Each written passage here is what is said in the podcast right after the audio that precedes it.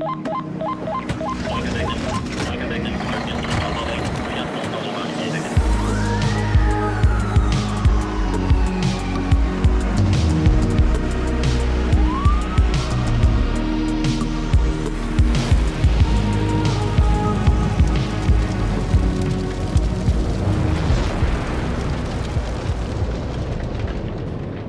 Hva vet du om eh, litium-ion-batterier? Velkommen til en ny episode med Brannkast. Eh, dagens tema er noe jeg tror de fleste er nysgjerrig på, eh, nemlig dette her med litium-ion-batteriene. Og jeg føler at disse her er litt sånn overalt, og det blir bare mer og mer av disse her. Og da tenker jeg det kan være greit å ta en prat med en person som kan litt om dette her og, og, bli litt mer kjent på hvordan man skal håndtere dette. Eh, og til dette, eh, til, til, å snakke om dette, så har jeg fått med meg den eh, dyktige Kurt Tofte Rusås fra Bergen brannvesen. For å snakke om dette store temaet. Så velkommen, Kurt. Jo, takk for invitasjonen. Ja, Velkommen til Østlandet. Hva synes du om været? Jo da, det, det, er bra her. Det er litt av ferien min. Så.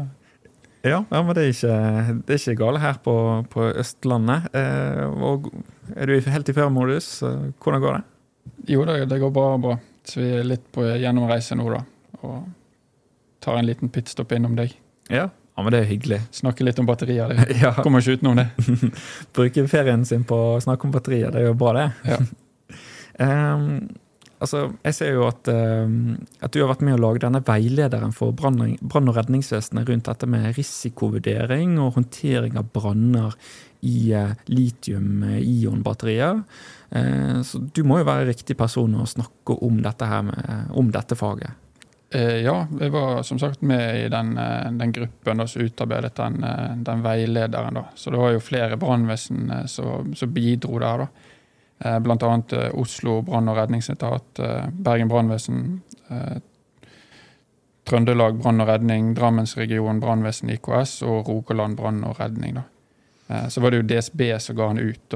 Så det er jo et, gratis dokument, så, egentlig hvem som helst kan, benytte seg av og, oppdatere seg på dette temaet. Mm.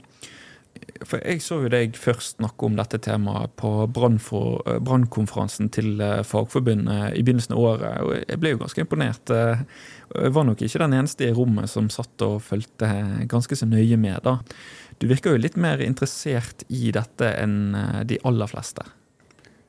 Jo, det er mye tilfeldigheter da, som har gjort at jeg har blitt på en måte en sånn batteriekspert, eller kan en del om det jeg sjøl mener jo ikke at jeg er noe sånn nerd på det her eh, da, eh, men eh, det har nå engang blitt sånn. Og de siste ja, tre og et halvt årene så har jeg brukt mye tid på, på brann i litium-ionbatterier. Mm. Ja. Altså, jeg må jo spørre, Hvordan ble dette her arbeidet til? Dette med veilederen du, og, og hvordan du ble til med dette? Ja, Det er jo et godt spørsmål. Det er mye tilfeldigheter. Men mye av æren for veilederen skal egentlig Drammensregionen eh, brannvesenet ha.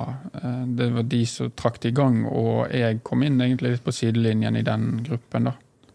Eh, så det er vel egentlig de som skal ha størst, eh, størst ære for at det ble, i det hele tatt ble en, ble en veileder. da. Eh, ja, Så jeg sklei litt inn på siden. Eh, jeg holdt på med noen redningsstykker kurs og litt forskjellig i akkurat da når de holdt, begynte å starte med den. da, Så jeg kom inn eh, egentlig ganske langt ut i forløpet. Men Var det noen sånn bakgrunnssituasjon eh, som gjorde at oi, dette, vi hadde behov for en veileder fordi at eh, dette her var litt sånn uh, usikkert? Ja. Um, for Bergen brannvesen sin del, da, eller da når jeg begynte kan du på en måte si, med den problemstillingen, det var egentlig litt i forkant av den hendelsen på Ytterrøyningen. Det var en ferge som begynte å brenne, og så tok det en stund, og så gikk han faktisk i luften. Kraftig eksplosjon. Eh, den, den siste delen, den kaller jeg eksplosjonen, da, eh, den kom veldig overraskende på. Det var, eh, det var ikke forberedt på at en batteribrann kunne eksplodere på den måten. da. Um, og I etterkant av det så har vi sett at uh, vi må rett og slett øke kunnskapen på brann i litium-ionbatterier. Mm. Um, så det har jo virkelig ballet på seg etter den hendelsen der. da. Og det iallfall jeg sjøl merket i etterkant, eller i kjølvannet av ytterrøyning-hendelsen, var at det ble en stor usikkerhet på brann i litiumionbatterier. Eh, dette ble plutselig veldig farlig. da. Og alle batteriblander ble plutselig veldig farlige. Um, så vi har noen konkrete eksempler fra, fra Bergen brannvesen der vi uh, rykker ut til uh, batteribrann. Vi vet at det er batteribrann. Uh, usikker på omfanget av batteribrann, men den usikkerheten som vi hadde da, den gjør at vi, vi, velger å ikke gå inn i innsats. Mm. Vi, vi, står rett og slett på utsiden og, og vurderer om vi skal gå inn. Og det tar gjerne en halvtime, tre kvarter før vi tør å i det hele tatt gjøre noe. Eh, og når vi først går inn, så ser vi at det er en helt uskyldig brann. Eh, totalt ufarlig. Vi kunne bare gått rett inn. Eh, og da skjønte jeg at vi må ha en måte, en metode, da, for å raskt kunne identifisere hva er en farlig batteribrann, og hva er en mindre farlig batteribrann. Og det var litt ideen til den veilederen, at vi må ha en eller annen metodikk. Vi må ha en eller annen måte da, Eh, å og raskt kunne definere da, farlige batteribranner fra mindre farlige batteribranner. For det skal jo sies at de aller, aller, aller fleste batteribranner er fullt håndterbart. Så er det noen ting, eh, og det skal vi snakke om en del i dag, tenker jeg, eh, som gjør at det er noen batteribranner vi må være klar over at er potensielt, ja, i ytterste konsekvens, livsfarlig. Mm. Men hva, hva er skilnaden der, da? Eh, det er litt eh, essensen i hele den veilederen. Ja. Eh, men jeg opplever det at dere i Bergen har jo fått merke det litt mer dette, denne problematikken enn resten av Norge. Jeg så på denne 110-serien og disse her løperhjulene som vi kaller det i Bergen. Dere ja. har hatt litt å bryne dere på? Ja, det, det har vi jo. Um, det som i mine øyne er litt artig i Bergen, er at vi har hatt hele spekteret. Mm. Fra da disse her, jeg kaller i mine øyne litt uskyldige batteribrannene, som gjerne ser litt spektakulære ut, og sånt, eh, til da ytterregningen som Han kunne gått mye, mye verre enn det det, det, det gjorde. da. Eh, det, det, skal, det, er egentlig flaks og tilfeldigheter at ikke folk blir skadet der. Mm. Eh. Den ytringen, altså, for å gå litt mer i dybden der. Altså, hva var det egentlig som skjedde der? Altså, Ytterrøyningen det, det, startet som en væskelekkasje. Ja. Så lagde en kortslutning. og så Kortslutningen skapte en brann. Og så fikk du en brann altså i isolasjonsmaterialet egentlig i bakkant av batterisystemet. Og Den brannen varmet opp batteriene, og så gikk de til slutt i det vi kaller for en thermal runaway. Altså, du får den termiske rusningen. da. Mm.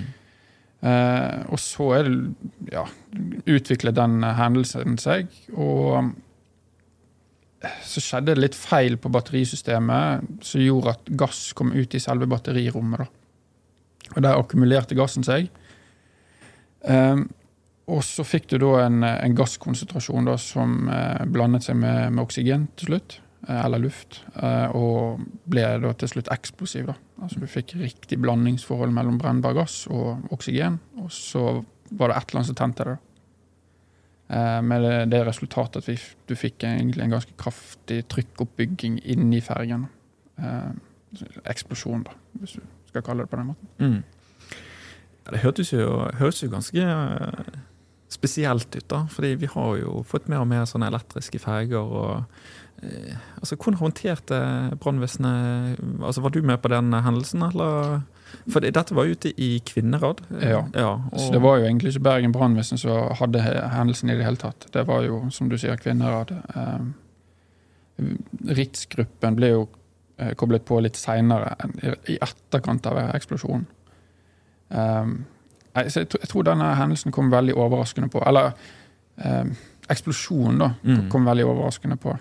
Um, og ja, vi, vi, ser det at vi må, vi må, rett og slett vite om den, det faremomentet da, med, med brann i litiumionbatterier. Og så er det jo også andre farer som vi, vi, skal snakke litt mer om i, i dag, da, så vi også må være klar over. Ja, eh, Men det har roet seg med disse løperhjulene? ja, det har det.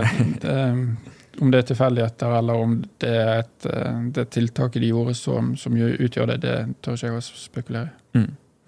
Ja, nei, men det er bra. Um, jeg tenker Vi kan gå litt gjennom basics. Du har jo begynt å dryppe noe, komme noe drypp i forhold til begreper. og sånn som det der, Men jeg tenker jo vi kan begynne veldig grunnleggende å snakke om dette med batteri. Uh, altså, Hva er et batteri?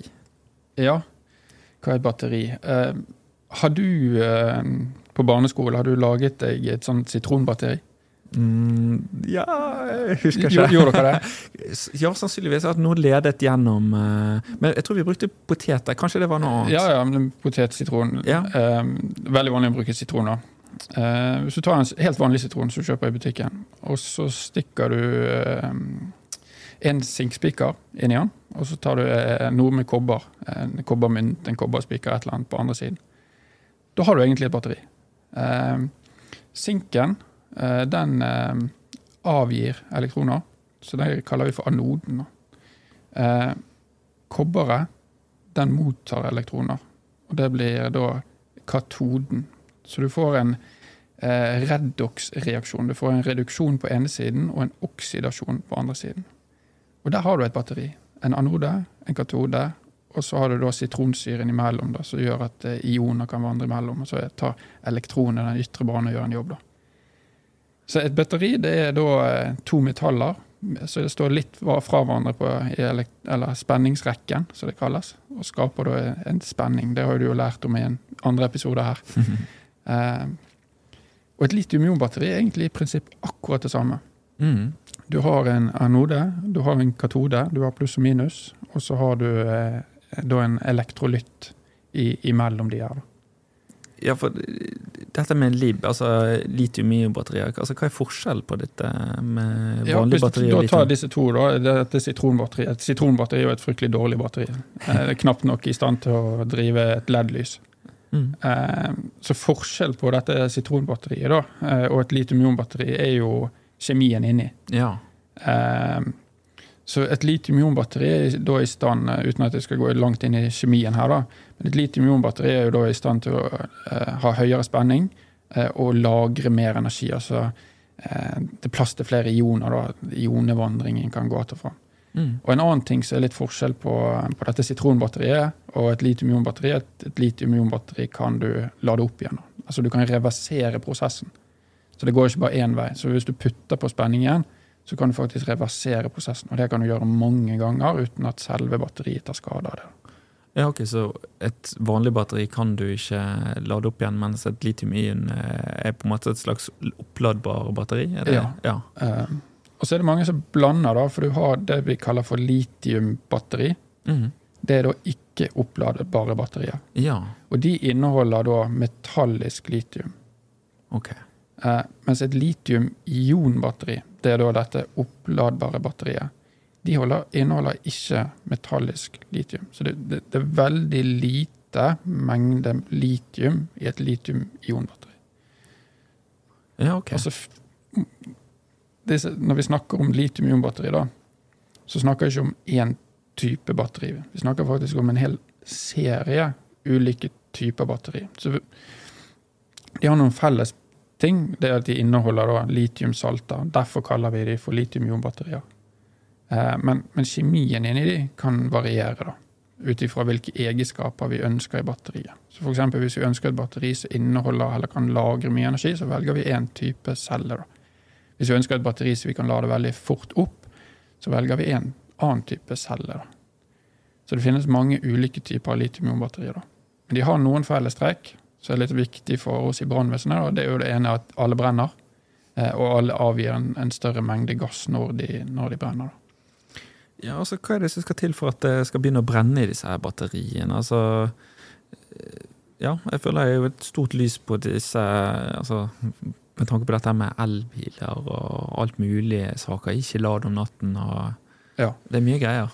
Um, det, det, det, er litt komplekst spørsmål du spør om. Hva ja. som, det, det, er et veldig stort spørsmål, og vi kunne sikkert brukt masse tid på akkurat det. her. Men for å koke det ned, eller for å gjøre det veldig enkelt, så er det ting som skaper varme i, i, i batteriet. Enten at batteriet sjøl skaper den varmen, eller at du har en ytre kilde som skaper varmen. Men fellestrekket, eller fellesnevneren, da, det, det er varme. da. Eh, så enten så kan du ha noen mekaniske feil eller produksjonsfeil på sel som gjør at sel blir oppvarmet. Ellers går det litt på bruken, at du f.eks. lader det for mye eller for fort opp, eller du tapper for mye effekt ut av det for fort. Eh, så vil jo det generere varme, og det kan da i ytterste konsekvens skape varme. Eller ytre faktorer. Det kan f.eks. være brann. da. At det er brann i et område, og så er batteriene i det samme området, så blir de varmet opp, og så kan de begynne å brenne. Det, det er egentlig veldig enkelt forklart hva, hva som kan skape brann i disse batteriene. Det, det, det, er oppvarming, rett og slett. De, mm. blir, de blir for varme. Hvis det blir sånn at du har eh, ja, en elbil krasjer, eller eh, du kaster en mobil i bakken, da kommer du til dette med disse ytre påvirkningene. Ja, der. Da snakker vi mekaniske skader, da. Ja. Eh, og et sånt batteri det, ja, Alle vet jo hvordan et batteri ser ut. Mm. Eh, det består av en, en, en, ytre casing, og så har du da disse her eh, anoden og katoden som ligger inni. da. Eh, og hvis, hvis, anoden og katoden får kontakt på en eller annen måte, enten at du stikker noe inn du, eller at du knuser batteriet på en eller annen måte, så vil jo den energien begynne å, å, løpe rundt eller frigjøres da inni batteriet. Og det kan da generere varme. Mm. Enten veldig fort, at det, det skjer spontant, eller over tid. Eh, og det er jo en av de tingene vi er litt redd for da, med mekanisk skade. Det der nettopp at det skjer ikke nødvendigvis med en gang. Mm. Det, det, kan skje litt over tid. Ja, det, er er derfor liksom etter en elbil har vært i en kollisjon, at uh, den må være i karantene? Ja, det er akkurat det. For det, da er vi redd for eh, mekanisk deformasjon eh, på batteriene, da, som kan skape den kontakten inni battericellen. Mm.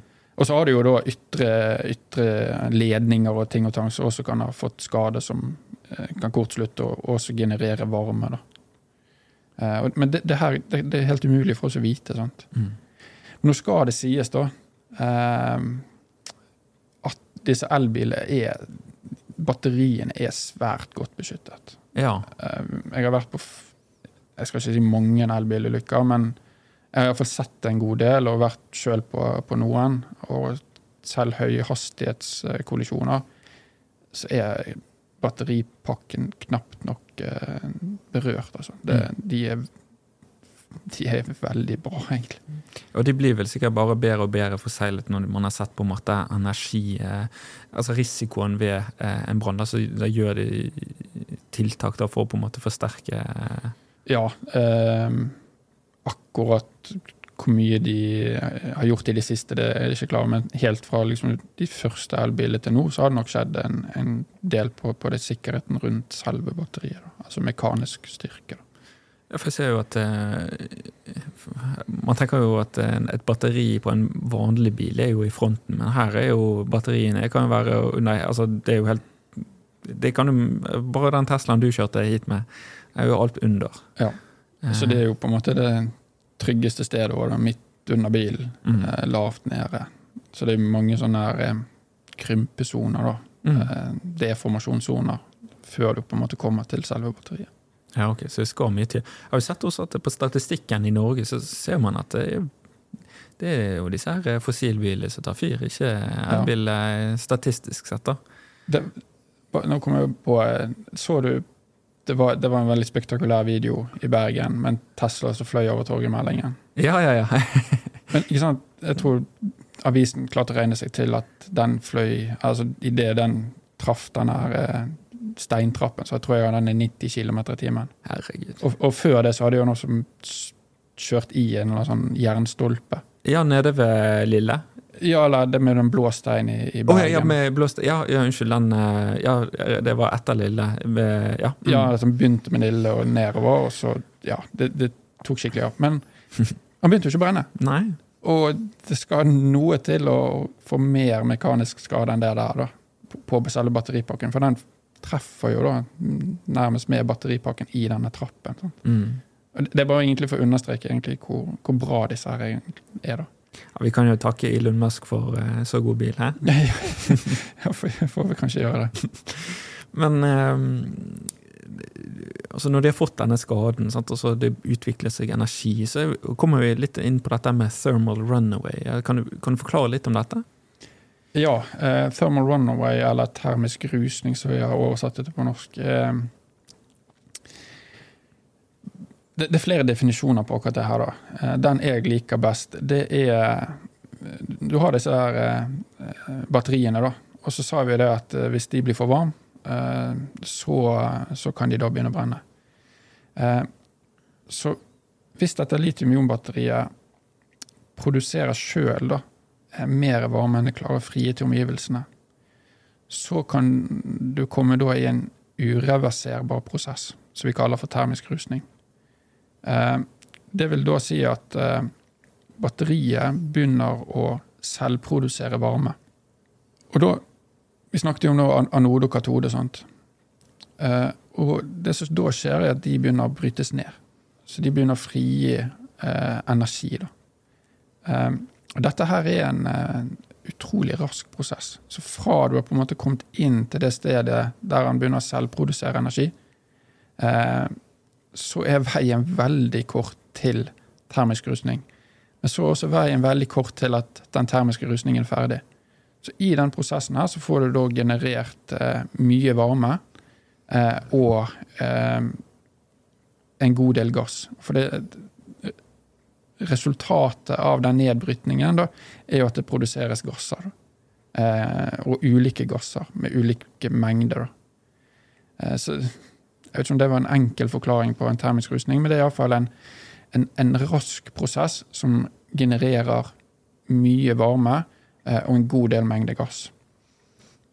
Men altså, kan dette bli, bli, ta av så mye at han blir på en måte litt mer selvforsynt? At han utvikler seg mer og mer til alt er brent ned, eller altså, kunne Ja, eh, det er jo en myte, det der eh, med Hva skal jeg si eh, bare si det. Selvforsynt. Ja. Jo, du kan på en måte si at det er selvforsynt.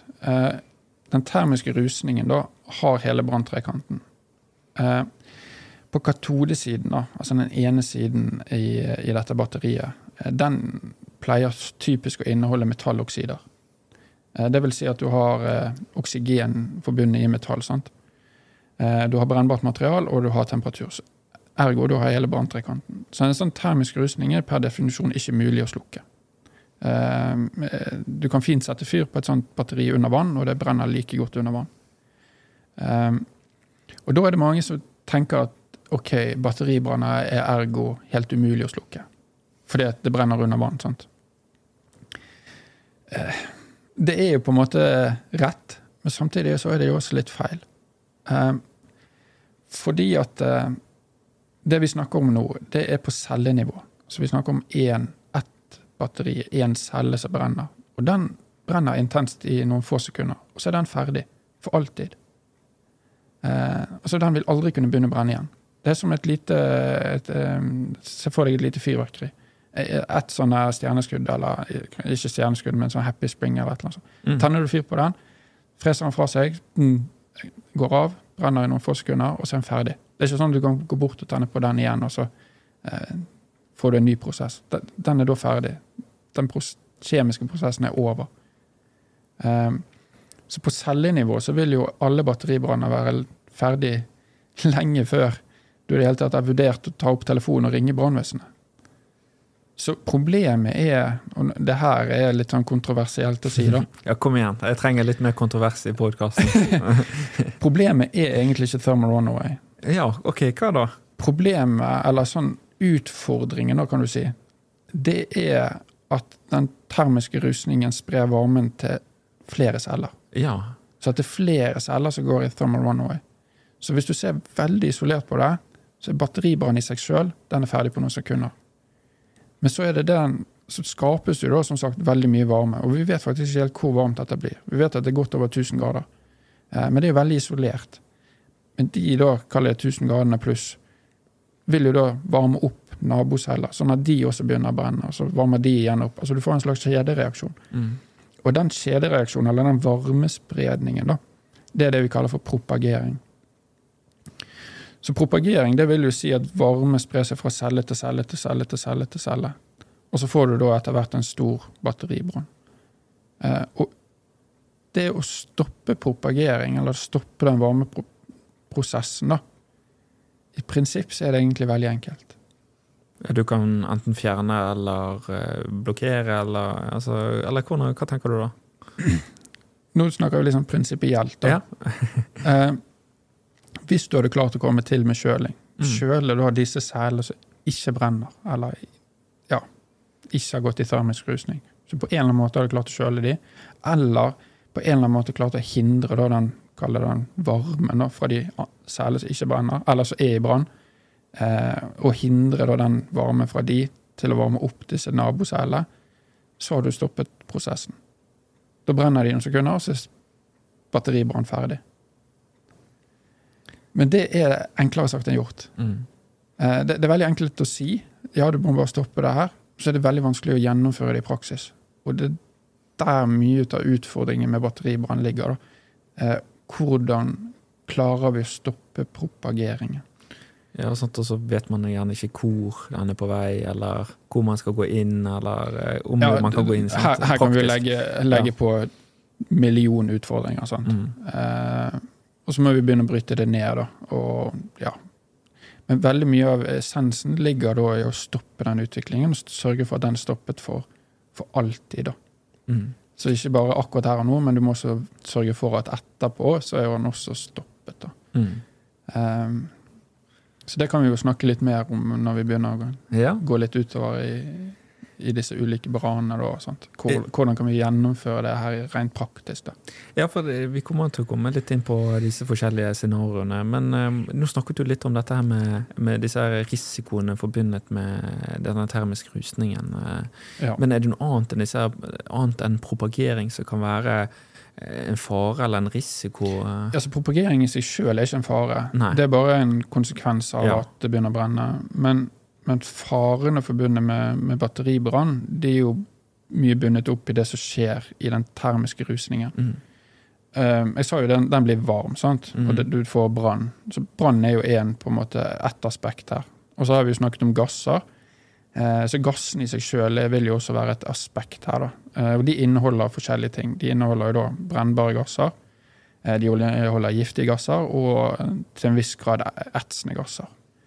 Eh, og da kan du begynne å bryte det ned da, og se på faren. ikke sant? Du har brannfare, du har eksplosjonsfare hvis gassen samler seg opp, du har giftfaren, du har etsefare. Og så har du den siste komponenten, da, og det er jo strømmen i dette. Mm. Eh, Store batterisystemer kan da ha veldig høy spenning. Eh, Så det også kan eh, være en risiko, da, rett og slett, at du får strøm i deg. Er det rart folk blir usikre? Ja, jeg, jeg, skjønner, jeg skjønner den, da. Um, og det er jo det som vi har prøvd med denne veilederen, å, å ta disse farene. Og så har vi tatt på oss brannmannsbrillene. Så har vi sett på problemet eh, med Fra perspektivet til en brannmann. Hva, hva er farlig med en batteribrann for brannfolk? Mm. Og det er der dere har delt det inn i forskjellige risikonivåer. Ja. Og dere har eh, kommet, med, kommet fram til at det er fire forskjellige risikonivåer i forhold til disse litium-ion-batteriene. Eh, skulle vi tatt en liten gjennomgang på de, eller? ja, det kan vi gjerne gjøre. Um, Hvis vi begynner på nivå én, altså, da er det men jeg tror jeg vil begynne litt før det. Ja. For det er en tanke, da, eh, med disse nivåene. Hvordan vi har delt de opp. Mm. Og det den føler jeg kanskje er aller viktigst. Eh, Det er jo da eh, Hva ligger til grunn for hvor tid en batteribrann er farlig? Når vi begynte på veilederen, så så vi jo litt til andre land. Og det de aller, aller fleste gjorde, det var at de så på størrelsen på batteriet. Og med størrelse så mener jeg ikke på en måte hvor fysisk stort batteriet er, men, men hvor mye energi det inneholder. Eh, så vi snakker jo da systemer, altså mange, mange battericeller satt sammen. Eh, og hvis du setter veldig mange sammen, så inneholder da vi, vi kaller det for system når vi putter det sammen. Så vi, da inneholder systemet mye energi. sant? Og til større systemet er, til mer energi inneholder det. Og så er det en direkte sammenheng da, mellom energilagringsmengden eh, og gassmengde produsert ved brann. Så til større systemet ditt er, til mer potensiell gassmengde kan du få generert. Og disse andre landene da, de, de, så sånn isolert på det. ok, Hvis du har et stort batterisystem, så kan det produsere masse gass, ergo veldig farlig. Jeg syns det blir litt for enkelt, fordi at du kan putte da, et stort batterisystem eh, på et sted der gassen ikke vil utgjøre noe stor fare. Se, se for deg en, eh, en elbil for eksempel, som brenner utendørs. Gassen der eh, eh, vil jo da gå opp i atmosfæren og fortynnes og utgjør ikke en sånn stor fare. Så du må legge på én ting til, og det er volumet det brenner i. Altså størrelsen på rommet det brenner i. Mm. Så da har du to ting, da. Du har eh, potensiell produsert gassmengde, som da er direkte knyttet til størrelsen på batteriet. Og så har du volumet det brenner i. Til større volum til mindre fare, til større batteri til mer fare. Så du kan, sagt med litt andre ord, da, ha et lite batteri i et lite volum og utgjøre en stor risiko. Men motsatt kan du også ha et veldig stort batteri i et stort eller åpent landskap og utgjøre en lav risiko. Ut ifra den tankegangen, da, så definerte vi da alle batteribranner ut fra fire nivåer. Jeg skal ikke si at det her er en fasit, men det var for å gjøre det veldig enkelt. da. Hvis du hadde lagd tre, så hadde det kanskje blitt for enkelt. Hadde du lagd fem, seks, så hadde det blitt for komplisert. Så vi, vi landet på fire. da. Med da disse to prinsippene, eller eh, ideene i bakkant. da. Størrelsen og, og hvor hen det brenner. Og Hvis vi da begynner på nivå én, da. Eh, det vi har sagt der, er at det her er mindre batterier. Eh, type eh, mobiltelefoner, sparkesykler, datamaskiner. Du nevnte jo elsparkesykler. Ting duppedingser som folk gjerne putter i hus og hjem. Og så så vi litt på, på de brannene med det perspektivet at det er brannvesenet som skal angripe dette. Og Det vi mener, da, er at uh, dette her er ufarlige branner for brannvesenet å håndtere. Uh, de vil ikke produsere nok mengde gass til at du, du kan få en eksplosjonsfarlig atmosfære.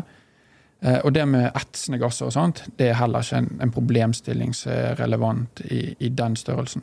Så det du sitter igjen med, da, er jo en brannkilde, som kan selvfølgelig sette fyr, og du kan få en stor brann ut av det. og så har du disse gassene. Men de er vi beskyttet mot ved at vi bruker friskluftsutstyr. Så det har vi sagt at det, det er lav risiko. da. Det er, det er håndterbart for, for alle brannvesen, egentlig. Og så må jeg bare understreke veldig tydelig eh, at det at jeg sier at det her er ufarlig, det er med tanke på at det er brannvesenet som skal håndtere denne hendelsen. Det betyr ikke, veldig tydelig på det, at det er ufarlig for på en måte sivil befolkning. Så hvis, eh, og Det er jo gjerne disse brannene her vi har hatt. Eh, bank i bordet. Vi har jo ennå ikke hatt noen dødsbranner i Norge på det, men de styggere brannene er gjerne på dette nivået. Så Hvis vi ser litt til utlandet, så er det disse brannene som har tatt livet av folk. Eh, og I New York sliter veldig med dette for tiden. Og jeg tror de er oppe i seks dødsbranner nå, bare i år. Ja, hva skjer der? Det er litt komplisert, men de, de, putter veldig mye ut av disse inn i leiligheter. da. Ja. Og mange modifiserer på de, og så tror jeg også det er mye dårlig kvalitet på, på disse her. da. På de produktene de rett og slett har. Uh, det her er jo da litt spekulasjon, det, det er jo ikke ja, ja. noe jeg vet, men hvis jeg synser litt, så har jeg snakket bl.a. med brannfolk i New York om problematikken, og de, de også bekrefter jo egentlig det. da at det er, det er veldig mye, eh, og det er dårlig kvalitet på, på produktene, rett og slett. Så bare for sagt det, det er ikke ufarlig, dette her. Eh, men for brannvesenet å prøve å håndtere selve batteribrannen, mener iallfall vi i den veilederen er uproblematisk. da. Så kan du gå opp et nivå. og Det som er forskjell på da, nivå 1 og 2, det er egentlig bare størrelsen, størrelsen på batteriet øker. Eh, så der vi snakker om sparkesykler på nivå 1, så snakker vi gjerne elbiler på nivå 2. Da. forutsetningen på nivå 2 det er at det skjer utendørs. Eh, at gassene får muligheten til å ja, eh, fortynne seg. Enten i et stort volum eller i et åpen atmosfære. Det her også mener vi at er lav risiko. da. Det er ikke noe større fare forbundet med å slukke en elbil kontra en diesel-bensinbilsbranner. Eh, alt tyder egentlig på, og det her er forskning som viser at det er mindre energi og mindre brann i en elbil når den brenner, enn eh, en diesel- eller bensinbil som brenner. Og det er så stort sett de samme gassene altså, som blir avgitt. Eh, Så det er ikke noe sånn eh, Med tanke på risiko da, og fare forbundet med å prøve å slukke elbil, så er ikke noe, ser ikke vi noe større fare forbundet med det kontra en ja, som sagt, diesel-bensinbil. Dere har jo fått uh, lekt dere litt med elbiler i Bergen, har ikke dere? Jo, vi, vi, vi har testet litt. eh, for én ting er på en måte fare eller risiko, da. Og en annen ting er liksom utfordringen med å faktisk klare å slukke det. Ja. For det er en større utfordring. Det, det er vanskeligere å slukke en elbil eh, som brenner, kontra en diesel-bensinbil. Det er det. Og Mm. da er vi litt tilbake på det med propageringen. Vi, Mm. vi må stoppe den utviklingen. Da må vi komme til med den, det kjølemediet. Mm. Så der, der har vi testet litt uh, ulike løsninger da, for å rett og slett få det til.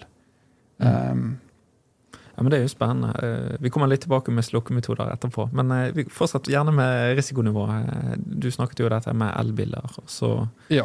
Og det trenger ikke være elbiler. Da. Det kan jo være Det, det er kanskje litt ukjent for, for en, noen, men du har sånne kuber. Det ser rett og slett ut som en kube. Så de bruker overalt. Konserter Ja, bare, bare batteri. altså...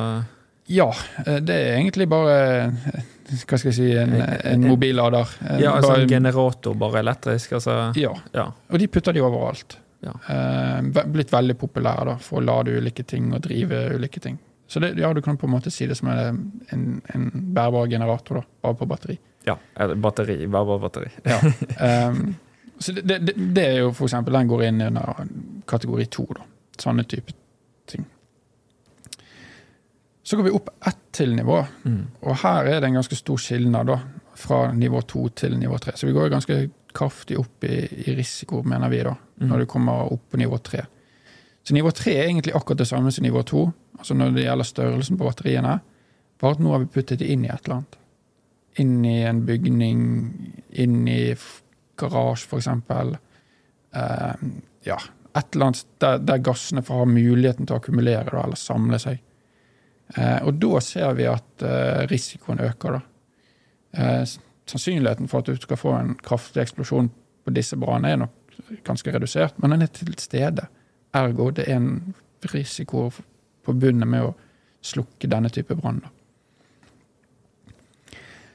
Og så kan vi gå opp enda et nivå, nivå fire. Da har vi gjerne puttet batteriene inn i et system. Inn i en ferge, industrilokaler, sykehus f.eks. Um, og da er, liksom, da er det mer til batteribrann enn selve batteribrann. eh, Hvis du skjønner meg Mm. rett. Altså, um, ta et sykehus, da, for eksempel. Eh, det er mange som skal evakueres, eksempel. Det er vanskelig tilkomst. Um, du må gjerne ned under bakken, du må angripe fra ugunstige vinkler. Altså, eller for en ferge, da, så må du gjerne sende folk ut på, på havet for å bistå. og sånt. Altså, det, det, er, det er mye greier med, med de brannene. Derfor har vi da lagt på dette nivå fire. Da.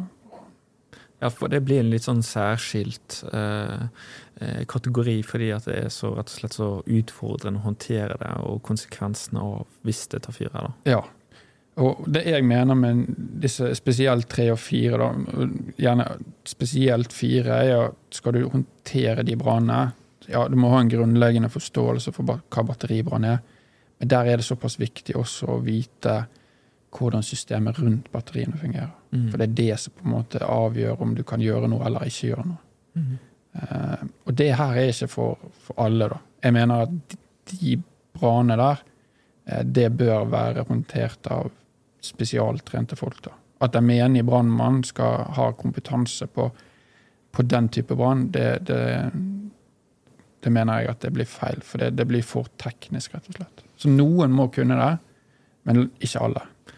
For det blir litt sånn, rett og slett litt sånn uforsvarlig. Du kaster en til å gjøre en jobb han ikke er trent til å gjøre. Og det er jo litt sånn brannvesenet i et nøtteskall. eh, Vi får jo veldig, veldig mye nye utfordringer og eh, Ja. nye risikoer, rett og slett, med, med tiden som kommer. og man skal jo lære å kunne alt, og akkurat dette med batteri det er veldig særskilt. eh, Det er Ja. veldig spesielt. da. Og det er ikke noe man møter på hver dag heller. Men nivå 1 og 2, den føler jeg det bør alle være i stand til å, å kunne håndtere. Ja. Um, nivå 1, det, det, det takler alle i dag. Altså Alle brannvesen i dag vil være i stand til å håndtere nivå 1-brann. Eh, nivå 2 mener jeg også alle er i stand, men vi har gjerne ikke de riktige verktøyene helt ennå. Så det er litt utfordrende. Mm. Men jeg tror alle på en eller annen måte hadde funnet en løsning på det. da. Mm. Så hadde kanskje noen funnet en løsning som tok mindre tid, og så hadde noen som funnet en løsning som tok mindre litt mer tid. Men uansett, vi hadde løst det. Ja. Eh, og nivå tre-hendelser også, føler jeg det hadde vi løst. Eh, nivå fire-hendelser Det er såpass spesielle branner, og de er jo veldig sjeldne òg, at det føler jeg det hører til spesialtrente brannfolk. da. Nivå fire, Ytterengen. Ja, den type brann, da. Ja. Eh, og så skal ikke jeg si hvem disse spesialtrente folkene skal være, eller sånt. Det Det, blir jo det er deg, det. nei, Nei, men, men det er jo nærliggende å tenke Ritz, da. Ja. Eh, og eh, CBRNE. Mm. At den gjengen da er disse her. For de, Ritz de er jo da eh, spesialtrent til håndtering av hendelser på sjøen. Sant? Mm. Og det er jo nærliggende å tenke at de vil da bli brukt til eh, sjørelaterte hendelser. Mm. Men så er jo ikke alltid det, det på sjøen det, det gjelder. Jeg nevnte jo sykehus, f.eks. Da er det nærliggende å tenke seg bare ned. da. At den gjengen eh, også er god på dette. Men jeg tenker jo også litt det her med at eh, ja, man skal håndtere det, men man skal jo også ha gode systemer rundt det. At hvis det utvikler seg, så får på en måte brannmannskapene gode forhold, eller eh, kan gjøre Altså komme lettere til. da, La oss si du har masse, et stort batteri eh, nede i en kjeller. og så Mm. Man heller kan bare eventuelt fylle rom, eller hva man skal gjøre sant, med vann eh, fra utsiden. sant? Ja, akkurat det siste er jo ikke så lurt, da. Nei, jeg vet jeg har ikke peiling. Altså, men men eh, ja, jeg ser jo i hvert fall det er flere Vi kommer jo til dette med slukkemetoder, og Ja. det er jo ikke noe jeg har veldig god kompetanse på, eh, som hørt, men, men jeg tenker jo at Man ser jo dette med at man kaster elbil i eller eh, ja, drukner de, eller Ja. kaster løperhjul, eller sparkesykkel, som det egentlig heter, eh, på sjøen. da. Så jeg tenkte jo bare det automatisk, sånn sett. Men eh, eh, ja, altså, hvis, hvis vi bare går litt på hvordan vi skal forholde oss til disse farene, egentlig, på disse forskjellige nivåene. Altså, hva, hva gjør vi? Ja, hvis vi begynner da på én, da. Én mener jeg det, det er rett fram. Det er spyle vann på. Mm. Og så er det en viss form for, eller fare, da, eh, for, for reantenning. Så etter du har slukket eh, en sparkesykkel, da, eh, så kan den finne på å, å begynne å brenne igjen i etterkant. Så det kan ta litt tid, og så, puff, så begynner det å brenne igjen. Så det å slukke den, det er egentlig veldig enkelt. Det- Spille litt vann på, så er den ganske bra slukket. Eh, Det vi har gjort i Bergen, er å putte de i, eh, i vannbasseng. da. Mm. Finne et bossbane eller et eller annet og fylle det med vann, og så hive den oppi. Eller et kar. eller Det spiller ingen rolle. Bare få den i vann. da. Og da, er det det med det kjøling som jeg snakket om. Eh, Det er to måter da å kalle uskadeliggjøre litium-ionbatterier på. Det ene det er å kjøle de ned. Og da snakker vi vedvarende nedkjøling. At de forblir kalde. Mm. Og det andre er å lade de ut. Altså Hvis du klarer å ta energien ut av de. Det, det siste er litt vanskelig for oss å få til, da. Ja. Uh, la det ut. Altså, hvordan skulle man i praksis gjort det, da? Nei, det, det er jo ikke så enkelt å få til, da. Uh, når systemet er skadet. Uh, men én måte som kan, du kan få det til, er å kortslutte de. F.eks. putte de i saltvann. Ja. Så, så vil de jo lade seg ut, da, mest sannsynlig, i, i saltvannet. For saltvann er jo ledende. Er det, hvordan er blandingsforholdet der? En teskje per Nei, Ja, nå spør du. Nei, nei, det er bare hive litt salt oppi, f.eks. Ja. Det, det skal veldig lite forurensning til i vann for å gjøre det ledende. Ja.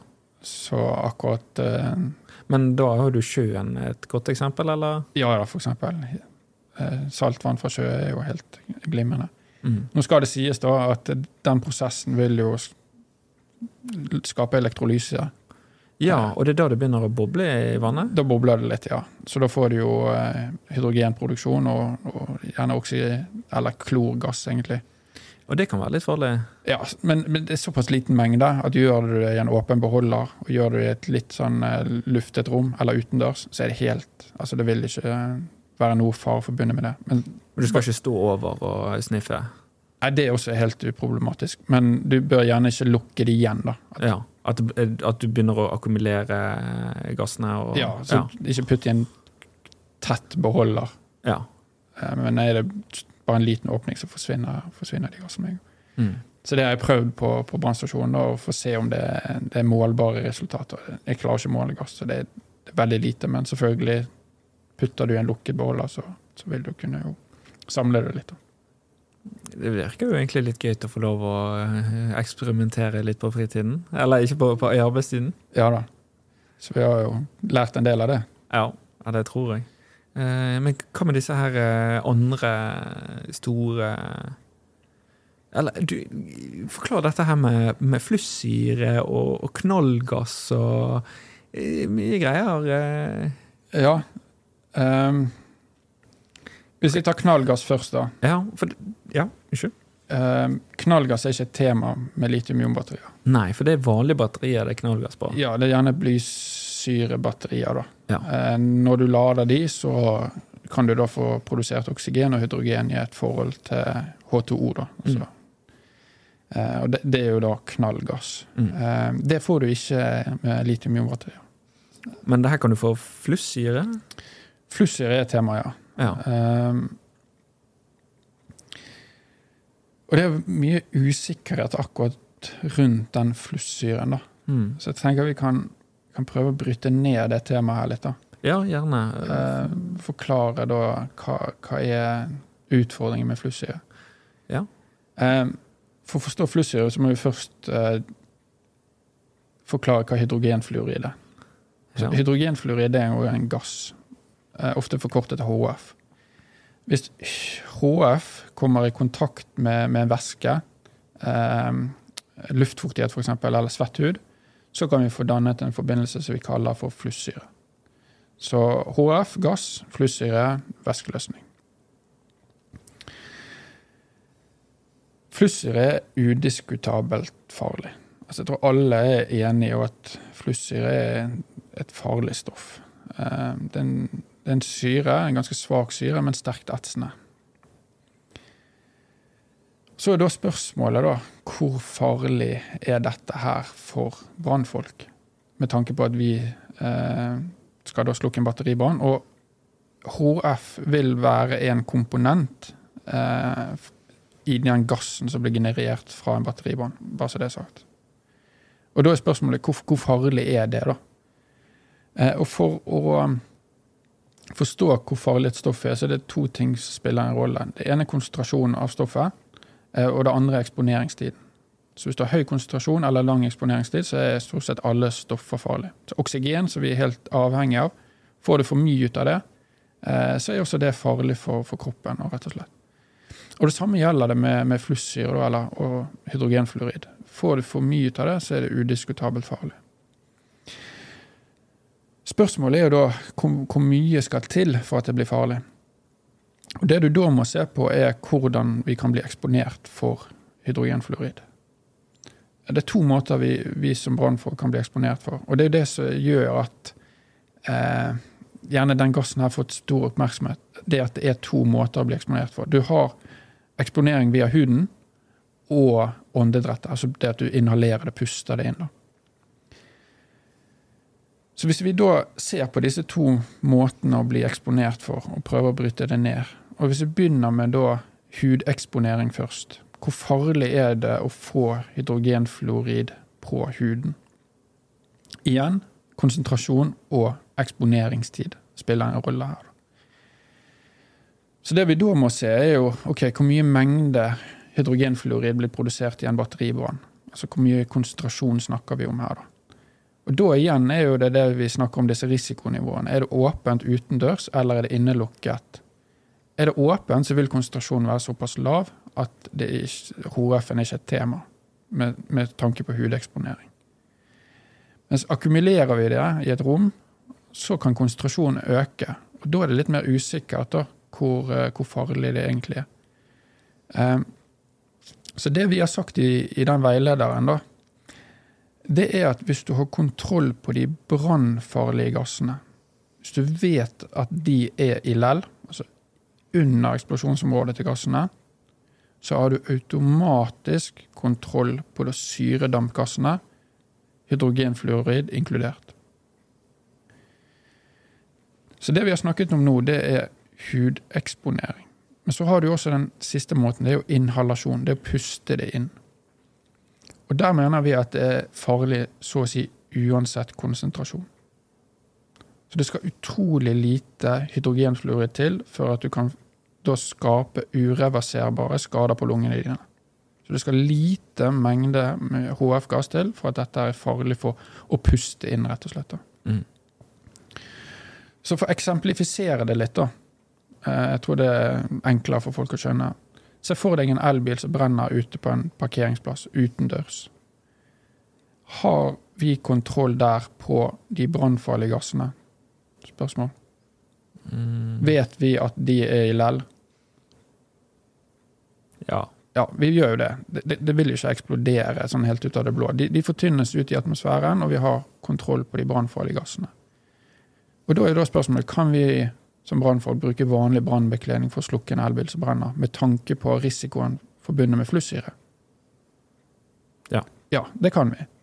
Eh, for det at vi har kontroll på de brannfarlige gassene, og da har vi også kontroll på flussyregassene. Det her følger hverandre. Sant? Har du Mhm. lav konsentrasjon av det ene, så har du også veldig lav konsentrasjon av det andre.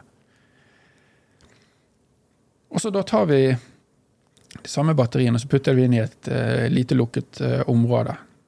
Og så spør jeg de akkurat det samme. Har vi nå kontroll på de brannfarlige gassene? Kan vi vite at de er i lell?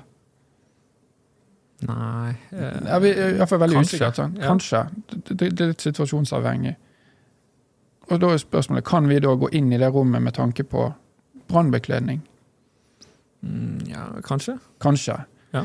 Men ser vi det at da kan vi bruke gassmålere, f.eks. Um, eller vi kan bruke da andre tegn eller hint til å vurdere om vi skal gå inn. Um, så hvis du som innsatsleder da vurderer det som trygt å gå inn med tanke på eksplosjonsrisiko, så mener vi også at det da er også trygt å gå inn med tanke på eh, hydrogenfluorideksponering. Men hvis du mener at det er utrygt å sende røykdykker inn med tanke på eksplosjonsfare, så er det også utrygt med tanke på HF-eksponering. Mm. Um, det vil også da si at eh, for de aller, aller fleste brannvesen så vil det være uaktuelt eh, å kjøpe fancy gassmåler for å måle syredampgasser, da. hydrogenfluorid f.eks. Det vil være mer riktig, og det her har jo de aller fleste brannvesen, eh, mer riktig å bruke brennbare gassmåler, da, altså, som måler på hydrokarbongasser. Mm. Så er det det med inhalasjon. Det er jo gjerne fristende for eh, en innsatsleder eller brannmester å, å ønske å gå inn i et eller annet rom der det har brent i batterier. Skulle bare. Skulle bare. Nå har jeg understreket at det vil være farlig. Mm. For det skal veldig lite til eh, for at det her kan da skape skader på lungene. Så det er litt sånn det at uansett om det Uansett batteribrann, så må du egentlig ha på deg eh, åndedrettsvern. Ja, eller, eller iallfall være i et veldig ventilert rom, da. Ja. Eh, du, skal, du skal helst ikke puste dette her inne. Mm. Og det gjelder for så vidt all brannrøyk og brannmann og kreft og alt det her greiene her. Du skal unngå å puste dette her inn. Men å, være redd for å angripe batteribrann hvis du da bruker vanlig brannmannsbekledning og puster luft, eh, da er det mer de brennbare gassene du, du bør være redd for. Da. Når du har fått kontroll på de, så har du også kontroll på, på HF-gassene. Mm. Og så er det viktig å understreke det at hydrogenfluorid er vannløselig. Den er uendelig løsbar i vann. Det vil si at vi kan fortynne konsentrasjonen helt ned til null ved å bruke vann. Så det å f.eks. Eh, bruke vann da, inn i batterirommet bidrar til å senke konsentrasjonen. Og så En annen ting er at brannmannsbekledningen vår den eh, inneholder mye luft. og eh, ja, Du kan kalle den porøs, på en måte. Og Den gassen den kan i teorien akkumuleres i brannmannsbekledningen. Så du kan bygge konsentrasjon i, i bekledningen. Så det vil alltid være, eh, hvis du har vært i lengre tid da, eh, i, i en batteribrann, så vil det alltid være god rutine å bli, bli spylt ned da, eh, for å få tynn konsentrasjon av eh, hydrogenfluorid, hvis det er noe du er redd for. Mm. Og så er det spørsmålet hva, hva er lang eksponeringstid. da? Um, det vi har lagt til grunn der, er at lang eksponeringstid er typisk mer enn eh, et vanlig røykdykk. da. Så hvis du mer enn én lufttank, så har du lang eksponeringstid. Mm. Eh, ja. Ja, ok. Uh, uh, så dette her med flussyre, det, det trenger ikke være så skummelt. Man må bare ta sine Det, det, forhåndsregler. er og det er en faktor, Ja. men, men det er ikke den avgjørende faktoren. Mm. Men, mener jeg, det, Den avgjørende faktoren for om vi skal gjøre noe eller ikke gjøre noe, det, det er eksplosjonsrisiko. Mm. Når vi har akkumulert eh, gasser i et lukket rom. Dette med eksplosjoner altså, Jeg så jo litt der på 110-serien at det begynte å smelle. Um, Ja, Det er ikke de eksplosjonene jeg tenker på der. Nei. For det er særlig seg sjøl som revner. ja. Så det, de, de utgjør ikke noe sånn stor fare. Men det er det at du akkumulerer gass i et, i et, eh, i et lukket rom, eh, og så eh, antenner den. At du får en sånn premiks av brennbar gass og oksygen. Mm. Um, og, og det kan skape et trykk. da. ja. Og det trykket er ikke disse batterirommene designet for å tåle. Nei. Så vi snakker opp til sånn 6-7 bars trykk, overtrykk. Og for de som skjønner, eh, skjønner den omregningen der, så, så er det, det, det er kraftig. da. Det, Ja. det er ingenting som klarer å stå imot det. da. Det er ikke noe å Altså, da- er ikke det vits å være der inne, for å si det sånn. Ja, eller, eller på utsiden. For Ja. det som skjer, er at ting, eh, ting gir etter. Sånn. Dører begynner å flagre, og ventiler flagrer, og løse gjenstander begynner å bevege på seg, og vi får eh, fragmenter, da, rett og slett. Da begynner vi å snakke om eh, sikkerhetsradius, da, sånn sett, på en eh, hva, 300 meter? Det er jo det som er satt i det siste, da. men den realistiske sikkerhetsradiusen vil jo være betydelig kortere enn 300 meter. da. Ja, for da blir det sånn topografisk og Ja. Ja. Vi skal ikke begynne å spekulere i det, Ja. men det, det er veldig situasjonsseiling. Men, men ja. Mm. I umiddelbar nærhet da, til det rommet, eller der vil det være en fare da, med tanke på eksplosjonsrisiko. Er det bare å vente da til at dette har fått eh, gjort seg ferdig, da, eller eh, Prøve å ventilere litt. sånn, sånn, sånn, så, Det blir jo veldig eh, situasjonsavhengig system, hvor hen det brenner, hva system som er bygget rundt. Og det er jo gjerne der eh, da spesialtrente brannmannskaper kan, eh, kan komme inn. og de, de forstår gjerne da bedre systemet rundt batteriene. Da. Hva, hvordan de kan bruke det rett og slett for å vurdere om, om man da, sånn som du sier, skal vente, eller, eller her er det, går, går det an å gjøre noe. Mm. Og så må man jo alltid spørre seg hva, hva, hva oppnår man med det man, man velger å gjøre, da. Er det for, eh, er det for å Blidgjøre noe? Ja, eller er det for å redde noe? Er det, altså, det er også et legitimt spørsmål å stille seg, da. Er det for å komme fortere tilbake på brannstasjonen, eller er det for å eh, ja, Må, rekke, må rekke gymmen. må rekke gymmen, Ja, sant? Så det blir, jo, det blir jo opp til de eh, innsatslederne på det, på det skadestedet å, vurdere det. da, hva, hva er målet med innsats her? Ja, for man skal jo ikke utsette seg for mer risiko enn det som er nødvendig. og altså, Førstepri er jo egen, eh, eget mannskap, for å si det sånn. Egen eh, Ja. risiko. Så, så må man bare ta det i betraktning. Sant? Så hvis det er for farlig, så skal jo ikke man inn og gjøre ting eh, farlig. Nei, det er i hvert fall viktig å ta en god vurdering da, på at ok, det her kjenner jeg meg såpass usikker på at her, her velger vi å holde litt tilbake. Eller f.eks.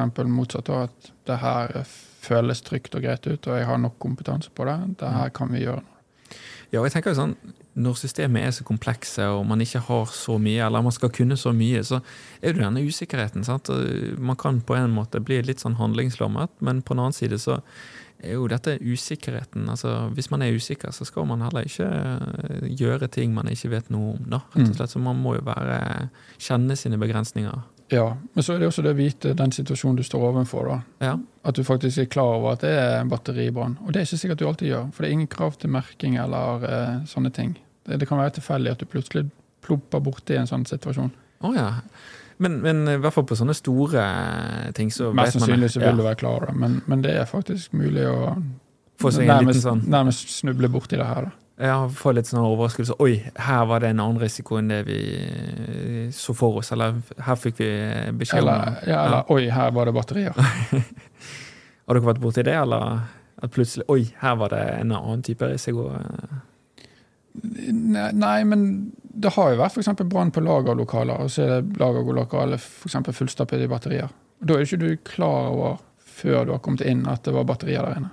Ja, Og det er litt det jeg mener, at det kan være situasjoner du, du er rett og slett ikke klar over at det er batterier som faktisk brenner. Rart. Da, da tenker jeg litt på den der 110-serien der det brant i gågaten i Bergen. Midt inne i boligstrøk, for å si det, sånn, for Ja. å si det mildt. da. Jeg har faktisk bodd rett over eh, gaten. og eh, Rett over Ja, nei, det Man skulle ikke tro at de holdt på med noe der, da. Nei, det, det trodde ikke vi heller. Iallfall ikke med tanke på det som hadde skjedd eh, kort tid i forveien. også. Så ja, nei, det, det er spesielt. Så det, man kan få seg en liten bakoversveis, men det er vel sikkert ikke så veldig ofte, da. Men eh, Men akkurat der var jo ikke eksplosjonsfare et tema. da. Nei. Der var det jo det at det var tett trehusbebyggelse og be, ja, rett og slett bebodde leiligheter over. mm, Eh, Så der er jo batteriene en tennkilde. Så det er de som starter brannen. Men så er det jo da videre er det jo kall det i hermetegn, en, en vanlig brann du må forholde deg til. Men jeg så jo også dette på den 110-serien, at det drev og smalt. Og, og, og har hørt om at det, det kan, ting kan bli prosjektiler. Disse selene kan eh, fyre av gårde.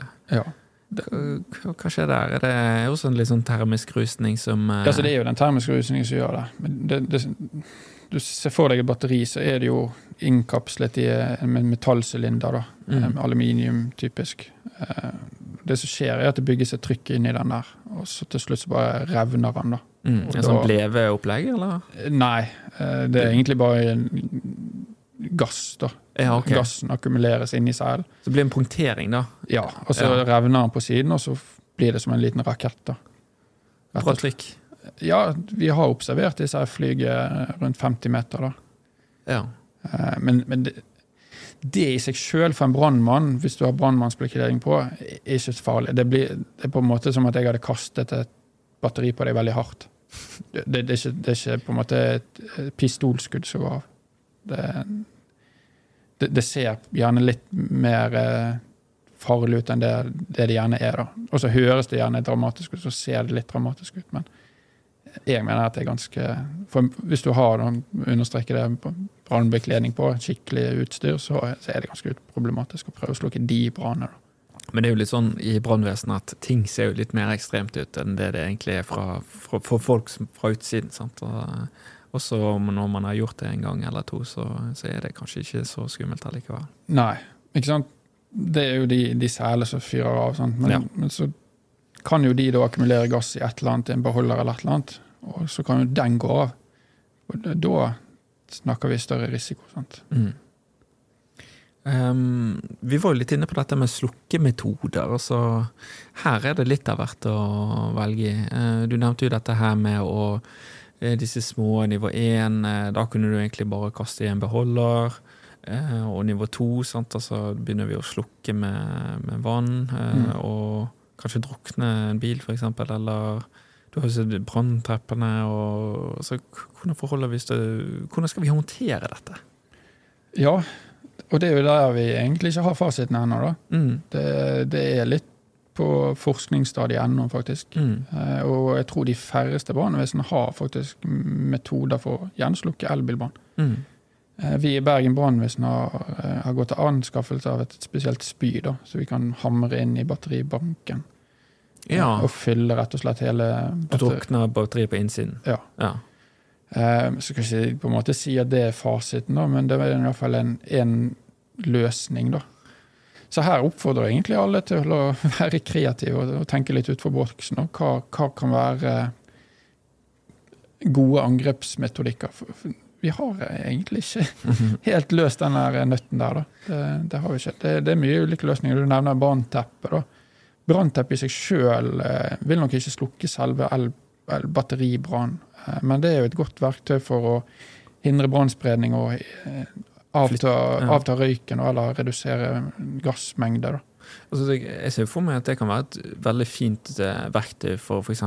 du har en kjeller, eh, pytte det over. sant? Altså Parkeringskjeller og putte det over, og så kan du forflytte denne her, eller forflytte andre biler. Altså redusere eh, u- altså, stoppe kurven, altså bryte kurven. Ja, det er et verktøy som har sitt bruksområde, og i noen tilfeller sånn som du nevner, kan det ha en god effekt.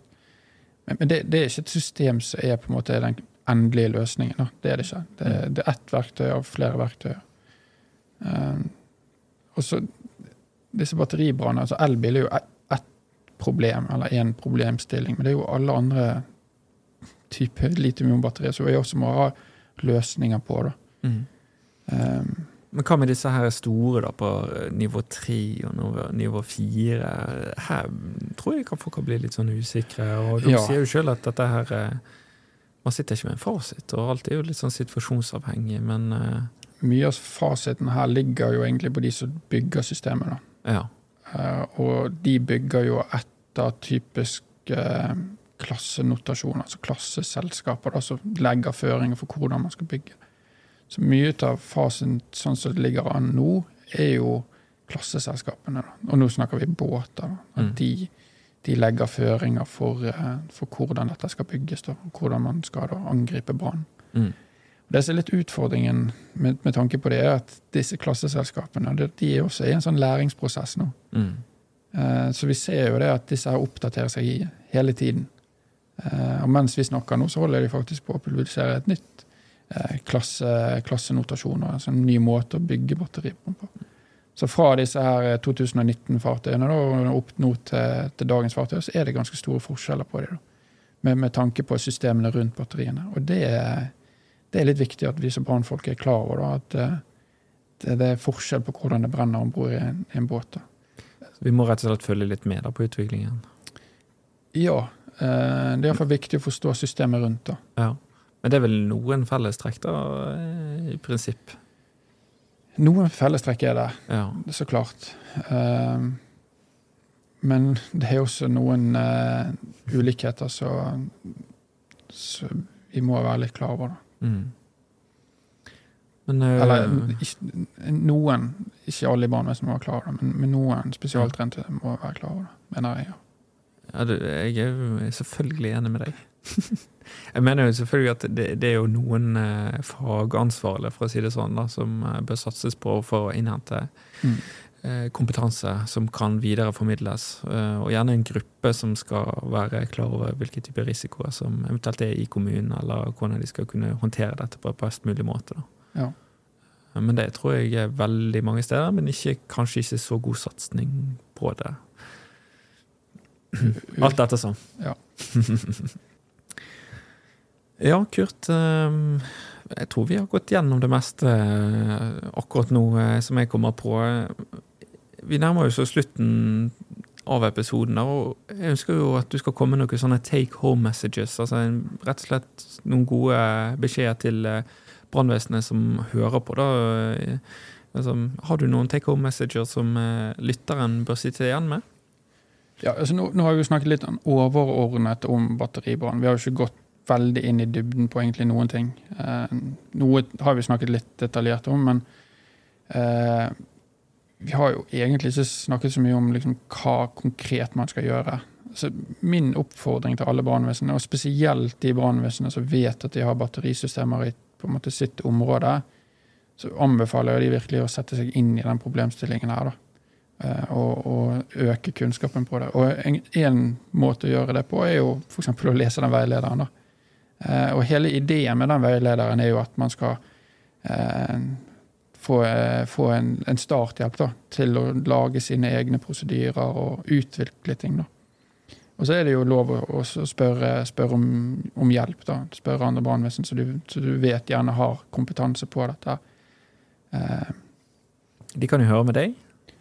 ja, eller, eller Drammen eller andre i den veilederen. Så det, det, det er litt opp til de hvem de, hvem de velger å, å, å spørre, da. Men iallfall at de, de fokuserer litt på det, føler iallfall jeg er, er viktig. Da.